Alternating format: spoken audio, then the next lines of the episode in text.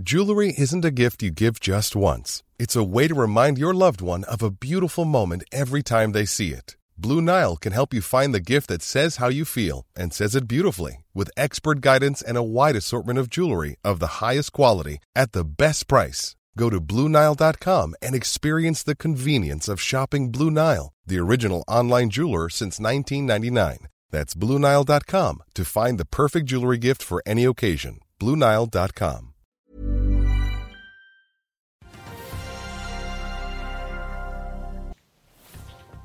Akershusene slår på stortrommen i Brasil. Emisjonsfristen nærmer seg for Flyr-aksjonærene, og markedet venter spent på nye inflasjonstall fra USA. Velkommen til en ny børsuke. Det er eh, mandag 7. november, og dette er Børsmorgen.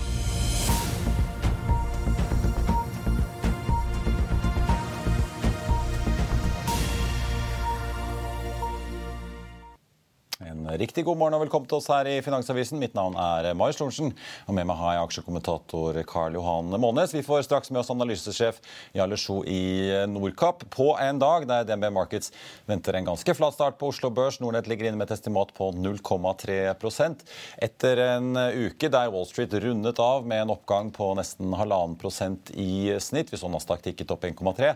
Dow Jones det samme, mens SMP 500 litt mer. Oljeprisen ganske solid opp 2,8% til 97 dollar og 20 cent i spotmarkedet akkurat nå. Vi så jo prisen snuse på ja, nesten på 99 dollar fatet her på fredag. VTI-oljen i USA ligger nå også over 90 dollar fatet, 91,10.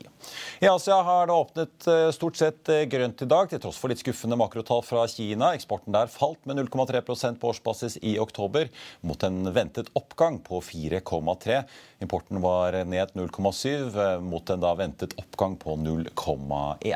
Fire aksjer du bør holde et øye med i dag, og vi begynner med Flyr. Selskapet varslet jo i forrige uke en ventet kriseemisjon, og den endte jo da på 430 millioner til ett øre aksjen, med en mulig reparasjonsemisjon på 100 millioner til. Fristen for å tegne seg den går ut tirsdag 16.30, og aksjen falt jo først 56% på torsdag da emisjonen ble kjent og kvartalsrapporten for tredje kvartal var ute. Så fortsatte aksjen ned nye 31% på fredag, til 8,4. Så får vi da si at det fortsatt er et stykke ned til emisjonskursen. Og mens flyreierne nærmest er utradert, er det langt hyggeligere for investorene i Aker Solutions om dagen. Den aksjen er opp 72% så langt i år. Oljeservicekonsernet meldte på tampen av uken at de nå er tildelt en femårig rammekontrakt med Petrobras, med partnere for levering av subsea-produksjonssystemer og subsea-tjenester til det brasilianske statskontrollerte oljeselskapet sine felt da i Brasil. Dette betyr at Aker Solutions bokfører det de kaller en betydelig ordreinngang nå i fjerde kvartal. Det betyr da mellom halvannen og 2,5 milliarder kroner. Hele rammeavtalen kan gi dem ordrer på mellom 2,5 og 4 milliarder kroner. Så har Standard Supply gjort en rettet emisjon på 4 kroner og 70 øre aksjen, som skal gi selskapet inntekter på litt over 200 millioner. Emisjonskursen ligger 10 øre under det aksjen endte på på fredag. Og så får vi ta med at bare dager etter at Kongsberg Gruppen meldte om en ny femårig rammeavtale med det amerikanske forsvaret for fjernstyrte våpenstasjoner av typen Crows verdt rundt av 15 milliarder kroner, så drysser allerede nå ned på en av Kongsberg Gruppens mangeårige leverandører, nemlig Kitron. Elektronikkprodusenten melder nå om en ny avtale med Kongsberg Gruppen med en ventet omsetning på 750 millioner kroner, med da Kongsberg Defence Aerospace får elektronikkmoduler til disse våpenstasjonene. Dette skal sysselsette både fabrikkene i Norge og USA til Kitron. Også En liten praktisk opplysning på tampen. Fusjonen mellom SalMar og NRS den forventes nå gjennomført etter børsslutt 7.11., altså litt senere i dag. Vi skal ha en kort reklamepause og er tilbake med dagens gjest rett etter dette. La oss i Finansavisen hjelpe deg med å holde deg oppdatert på alt som skjer i finans og næringsliv. Hver morgen er jeg, Marius Lorentzen, og aksjekommentator Karl Johan Målnes på plass i studio for å ta tempen på dagens marked i Børsmorgen. På ettermiddagen oppsummerer vi alt du trenger å vite i økonominyhetene, og så får vi selvfølgelig besøk av masse interessante gjester. Du finner oss på fa.no-tv eller ved å søke opp Børsmorgen og Økonominyhetene der du hører på podkast.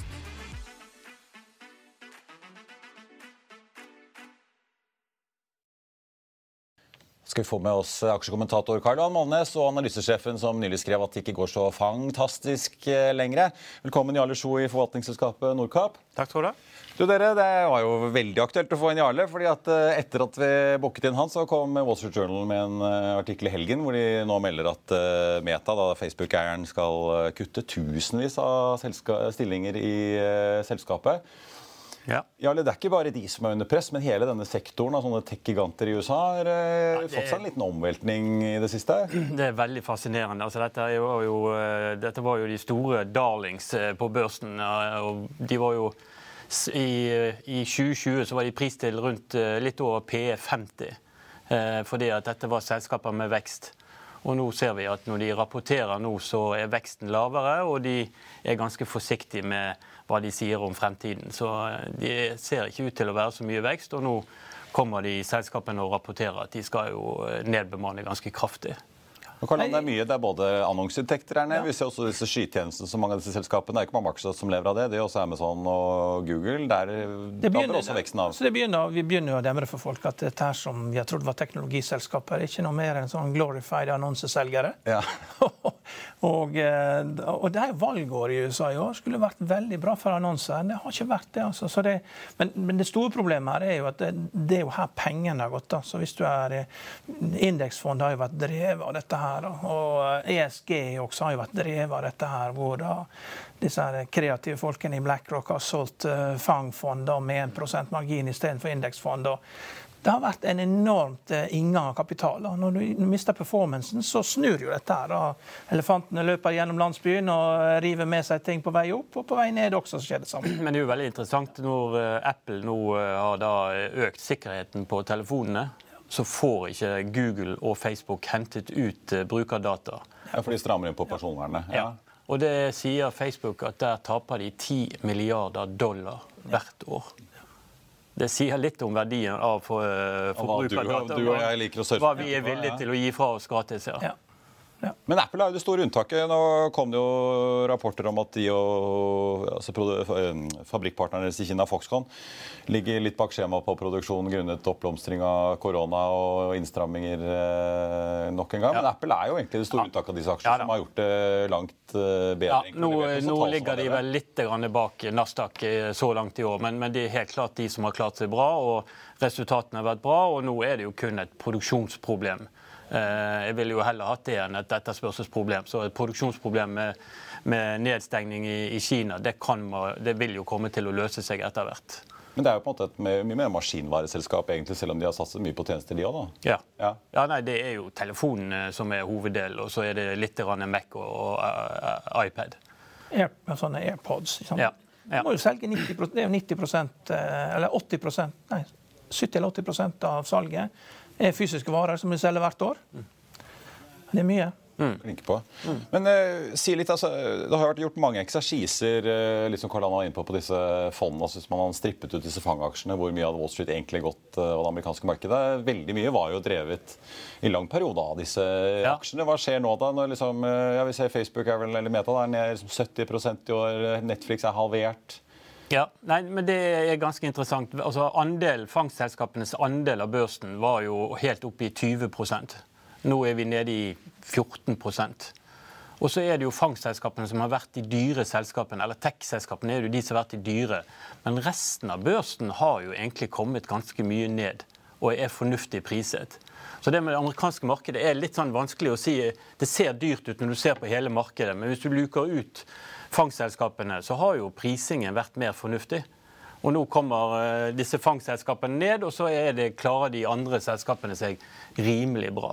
Så USA er, har jo fortsatt gjort det noenlunde OK. Da drysser du mer på de andre, da, når uh, ja. de store faller så mye?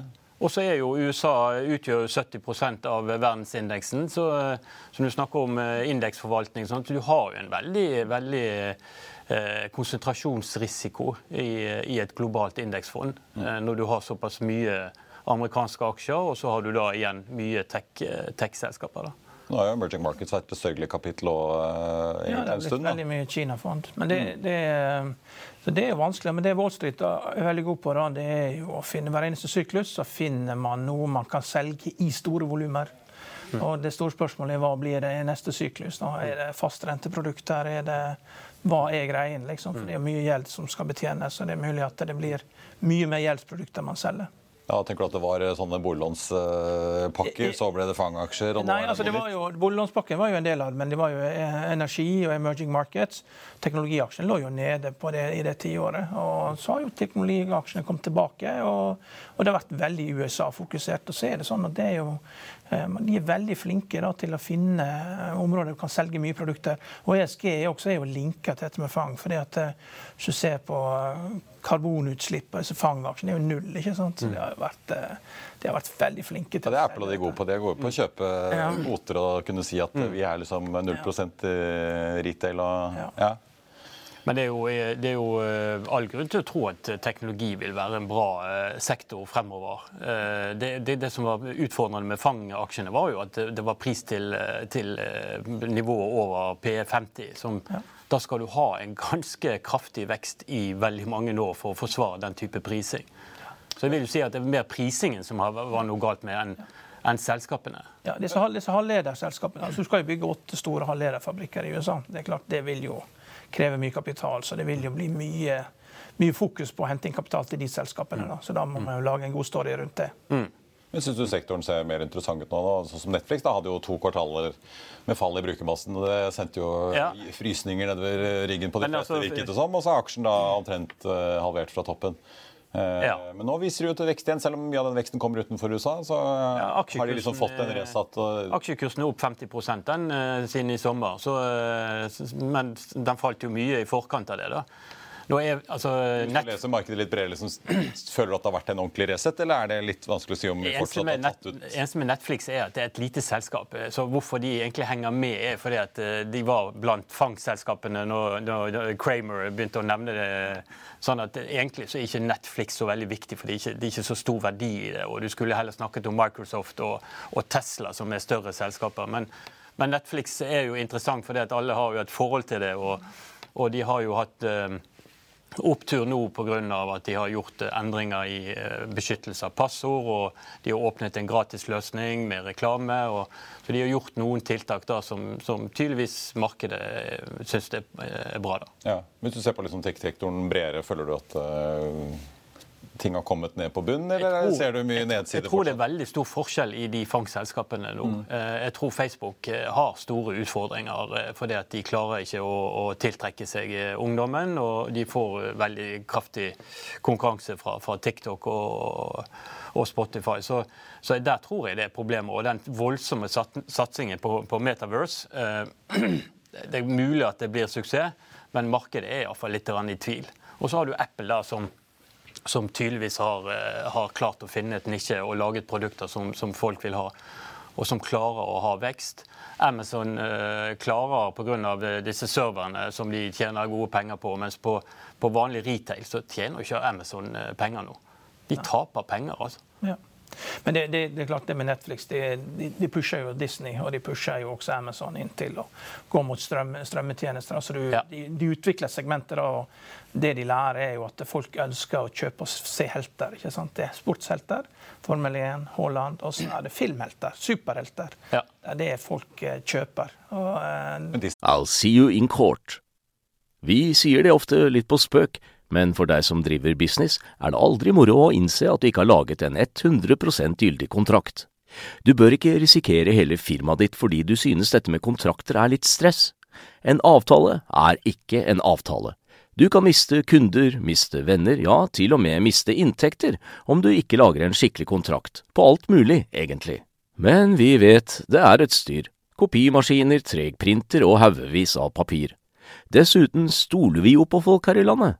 Det er ofte litt kleint å skulle be om en signatur for alt mulig, ja, for mye av styret handler også om jakten på underskriften.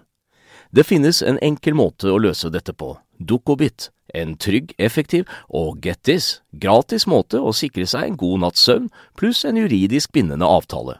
Dukkobit-appen har de strengeste sikkerhetskrav i bunn, samt en EU-godkjent og sertifisert teknologi.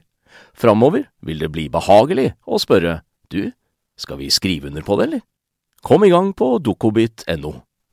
De klarte jo søren meg å få flere abonnenter enn Netflix, ja, selv om de kom uh, sent til festen. Ja, og samtidig så, så han uh, Hva heter han? han Loeb heter han i Aggressive hedgefond som ville at de også skulle ta ISBN e da, på streaming. og de, Etter å ha sett på regnestykker og mye gamle folk som følger med på ISBN, e NFL, så har de valgt å ikke gjøre det. da, Og gå og bare med, med ISBN, e for det har jo vært en pengemaskin. Sportsventer er best live, vet du. Ja. og, Net, og, Netflix påstår jo at uh, altså Disney og, og pour og Amazon Prime og HBO og Paramount alle taper penger. Det er kun Netflix som faktisk tjener penger på, på streaming. da. Men det hjelper jo ikke. Det, det blir jo konkurranse likevel. Eh. Det, det, er Netflix. Jeg hører ofte på Oakmark. Eh, de er flinke. Bill Nygren han, eh, de er flinke i Oakmark. Det er Chicago. Harris Associates. Da, og han sier jo det at man må jo se på prisingsmakten da, som Netflix har. Altså, de, har de, de, har nok evne til å ta ut økte priser hvis de vil, sakte, men sikkert. Mm. Og det må man ta hensyn til. Det, Nå får vi se om, eh, om, Twitter skal begynne å ta ja ta priser. Jeg så, jeg hørte i dag at eh, Elon Musk nå skulle forby eh, parodi. Ja. Eh, hvis ikke det var da helt klart notert at det var parodi. Ja. Og da har de begynt å stenge ute en del som har laget parodi av Elon Musk. Ja. Så vi begynte å fikk litt sånne assosiasjoner til Kina og, og Xi Jinping, som nå har forbudt uh, Ole Brumm. Ja. Fordi at mange har sammenlignet han med Ole Brumm. Det. Ja, mm. Det er noen likheter her. Men Jarle, eh, si oss litt, hva, hva, er det dere anbefaler kundene deres å gjøre noe sånn rent sånn strategisk plasseringsmessig? Nå har vi hatt en helt eh, fantastisk oktobermåned i ja. markedene etter en litt sånn sur september. Og veldig, sur, hvor, ja, veldig sur september. Hvor, eh, og et år hvor liksom de store indeksene har falt ganske mye. Oslo Børs har liksom vært det store unntaket. Eh, tror dere liksom det er fortsatt momentum i aksjemarkedet videre, eller? Nei, det, det, skal jeg være veldig forsiktig å, å, å si. Altså, jeg syns det fortsatt er ganske mye som er bekymringsfullt uh, fortsatt. Og denne kraftige renteøkningen kommer til å stoppe økonomien uh, kraftig. Og så får vi se litt hvordan, hvilke selskaper klarer å håndtere dette på en uh, grei måte. Og det er klart at Selskaper med mye gjeld vil kanskje kunne slite. Det kan være det kommer et eller annet som vi ikke helt har oversikten over ennå. Men, men, når det kommer så dramatiske endringer i økonomien, så, så er det noen som, som, går over ende. Men så er det jo så er markedet ned. Altså Globale aksjer er ned 21 hvis du, hvis du måler det i dollar. Vi er jo heldige som får mindre tap fordi kronen har svekket seg. Men 21% ned på et aksjemarked er ganske mye. Så, så, noe av dette er nå allerede begynt å prise inn. Og selv om det er mye bekymringer, så er jo markedet, har jo prist dette inn. Markedet ser eh, krigen, markedet ser energikrisene. Alt dette er priset inn. Så spørsmålet er jo hva skjer fremover. Eh, kommer vi oss gjennom denne renteøkningen? Eh, får vi inflasjonen ned? Ja, så er kanskje aksjer ganske gunstig priset nå. Burde man da liksom begynne å vekte seg opp i aksjer, eller? Utfordringen er at obligasjoner er ganske attraktivt nå. Nå får du 5% på investment grade, eh, nordisk investment grade. Det er opp mot 5 eh, eh, så, og high yield er på 10 Nå er det klart at high yield kommer til å være litt vanskelig. Det kommer til å være en del konkurser nå når ting endrer seg såpass mye. Da. Men men en obligasjonsportefølje da, som kan gi en 6 eh, avkastning, det er, det er, ganske hyggelig. Det kan jo bli altså. ganske pent hvis du har litt uh, durasjon på papirene, og rentene kanskje begynner å bli kuttet plutselig fordi at uh, her blir det resesjon. Ja. Nå, nå, skal jo renten økes til uh, ja, i løpet av sommeren neste år i USA.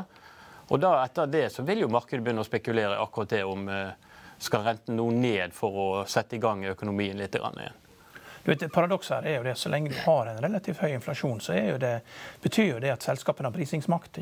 Pepsi ja. øker prisene med 17% i gjennomsnitt på sin portefølje av uh, Doritos. Heinz-sjefen sa at han øker prisene på Doritos neste kvartal. Ja. Så, så, så, lenge det er inflasjon, så er det prisingsmakt. Og da er aksjer en real asset. Altså du, er, så problemet da, som alle går og håper på at inflasjonen skal begynne å falle, da. Mm. det er jo det farligste tidspunktet i aksjemarkedet er når inflasjonen og veksten faller brått. Mm. Det da du får krasjene. Så be careful what you wish for out there. Mm. For da kommer det waterfall. altså Da, da faller børsen kraftig. Så, eh, og, og, da er jo spørsmålet liksom hvor mye må eh, Hvis du øker renten til 5 så får jo selv USA problemer. altså Landet klarer jo ikke å finansiere eh, all gjelden de har hvis at du mm. øker renten for mye. Så, så, det er jo helt klart man prøver jo å styre dette mot nedgangskonjunktur for mm. å få ned etterspørselen. Og da må man være forsiktig med aksjer. Det, jeg syns det kommer lite fram. Da, at vi ikke har lært av de feilene vi har gjort før. Vi går i bear market. At vi liksom, den siste farlige fasen eh, den kommer når inflasjonen og veksten faller sterkt samtidig på, i sluttfasen. Ja, og Det er jeg helt enig i. Og, og, vi har ennå ikke egentlig sett, eh, sett, blod renne i gatene. Altså, vi, har den, vi, har ikke fått den siste fasen med, med, med panikk. Men, ja. Men, samtidig så syns jeg det er viktig å påpeke at markedet har justert seg ganske kraftig allerede. Og det som du sier, er jo eh, noe markedet vet. Jeg, når jeg leser nå aviser og, og, og uh, folk som jeg følger på Twitter og alt, det, ikke, det fins ikke én som er overhodet positiv til fremtiden her nå. Så veldig mye er reflektert i dagens kurser. Men jeg er enig, vi har ikke fått denne, kanskje den siste panikken. Så Hvis du vet du klarer å være kald nok til å kjøpe på bunnen, så blir det billigere? Ja, men eh, den bunnen treffer du aldri. Og det er jo det vi sier til våre kunder. at uh, hvis, hvis, du ikke treffer bunnen, ja. og de beste dagene kommer etter bunnen er nådd, ja. og hvis du ikke er inne i markedet i de dagene der, så mister du veldig mye av avkastningen. Ja. Så for oss som har kunder som har 10-15 års horisont, så er vi jo egentlig bare Hold deg til den planen du har. Ja. dette ser ille ut nå, men Eh, om et år eller to så, så er ting eh, snudd og, og bedre. Så, så, anbefalingen er å ha en, en god diversifisert eh, portefølje. Til slutt, eh, Du har jo snakket om altså, alternative plasserings... Hva skal jeg si Klasser man kan ja. ha pengene sine i tidligere. En åpenbar ting i krisetider er jo gull. Det har ikke vært så ja fantastisk hyggelig som man kanskje kunne håpet. Uh, og krypto har vel ikke vært uh... Krypto har heller ikke vært så hyggelig. Men du har jo snakket om to andre ting. Det ene er jo livsforsikringspoliser som dere satser på, pluss da hva skal jeg si, smålån eller SMB-lån ja. uh, på en måte som går litt under banksektoren, ja. som jo har et stort marked nedover Europa bl.a. Ja. Nei, altså for, Forsikringspoliser, Fordelen med det er jo at det er ukorrelert til, til de finansielle markedene. Så når du får sånne kraftige fall i aksjemarkedet, så, så, fortsetter de å gi en stabil og, og, og god avkastning. Og, og, de eh, porteføljene som vi er investert i, der er snittalderen eh, på 88 år. Uh, har tre til fire år gjenværende levetid. Um, og der uh, har man porteføljer med ja, 300-400 uh, poliser, som, som, man da får utbetalinger fortløpende. Og Historisk så har det gitt en 9-10 eh, avkastning, eh, som er ganske bra gitt den risikoen som vi anser som ganske lav. Da. Det er jo litt si, Risikoen er om amerikanerne plutselig lever mye lengre. Det er jo ikke tilfellet. Det er jo Levealderen går ned. Ja, og det andre er hvis eh, livsforsikringsselskapene ikke kan gjøre opp for seg. Og dette er jo stort sett A-ratede selskaper, så vi syns kanskje risikoen der også er liten. Mm. Så det passer veldig bra i en portefølje, for da vil du ha noe som, som tikker inn en, en, god og stabil avkastning. Og, og privat gjeld er jo, er jo uh, veldig gunstig også, for det er flytende rente, så du har en inflasjonsbeskyttelse. Det er bare én långiver og én låntaker. Uh, mens obligasjoner så er det jo hundrevis av långivere. Og det og da, hvis det noe skjer, så må du vente til du, til du bryter lånebetingelsene før du kan starte en samtale på, på hvordan man skal løse det.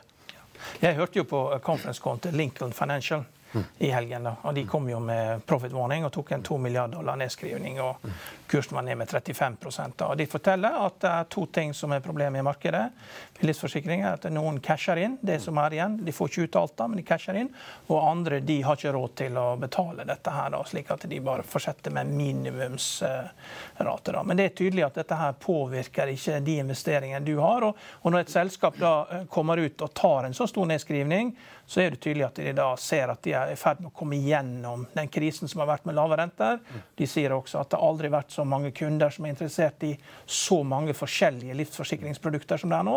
Og, og, og nedskrivingen kan da tas som, en, eh, som et styrke på at eh, OK, er, nå går renten opp, og vi overlever dette. Vi har, vi har overlevd lavrenteperioden. Mm. Høyere renter er bra for oss, og nå skal vi bare liksom Dette var et tap, og det er, det er stygt, men vi kommer gjennom Og Litt visibilitet i hvor det skal? Ja. Mm. ja.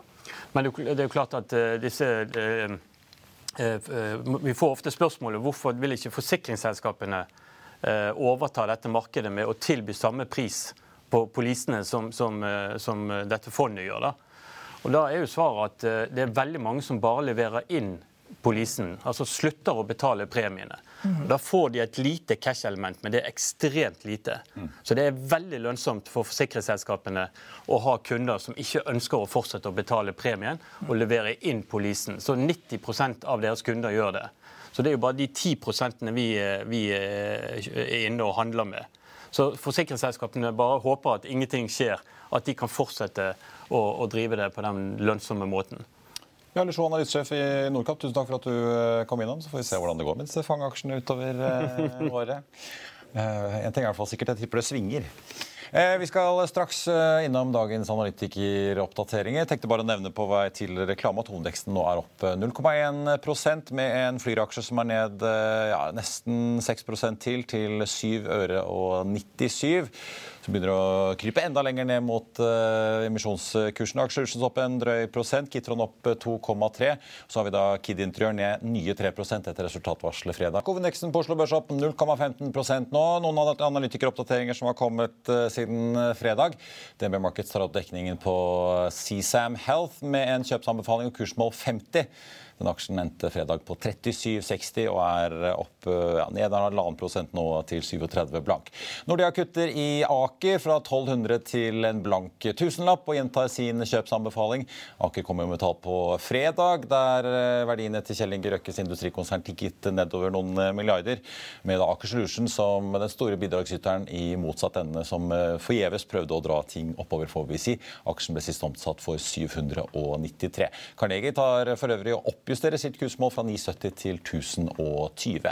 En siste. Golden Ocean Sparebank Markets nedgraderer fra hold til salg og kutter kursmålet fra 105 til 85 kroner på tørrlastrederiet, som sist ble omsatt for 97,16. Ellers så får vi svinge innom fly, ned nå 10% svinger ganske mye på litt Eh, ja, får vi si ganske gode volumer. 18 millioner aksjer omsatt så langt. Aksjelutions opp en drøy prosent på sin eh, nyhet om at de får en stor rammeavtale med Petrobras i Brasil. Kitron opp 2,5% på nye bestillinger fra Kongsberg Gruppen. Så er det da Kid Interiør som kommer resultatvarsel litt ut på dagen på fredag om at marginene blir lavere grunnet høyere fraktkostnader. Den aksjen falt jo 9% på fredag, ned nye 3% i eh, dag. Ellers på listen så har vi Standard Supply, som er eh, ikke helt overraskende mest omsatt da etter emisjonen på 4,70. Den aksjen ligger nå på 4,73 med en oljepris på nesten 97,70 i spotmarkedet. Det var børsmålen for denne mandag 7.11. Husk å få med deg Økonominyhetene klokken 14.30. Da får vi med oss Trygve Egnar og sjeføkonom Harald Magnus Andreassen i Sparebank1 Markets for litt makroprat. I mellomtiden så får du siste nytt på FA1 og gjennom hele børsdagen. Ha en riktig god dag videre. Takk for nå.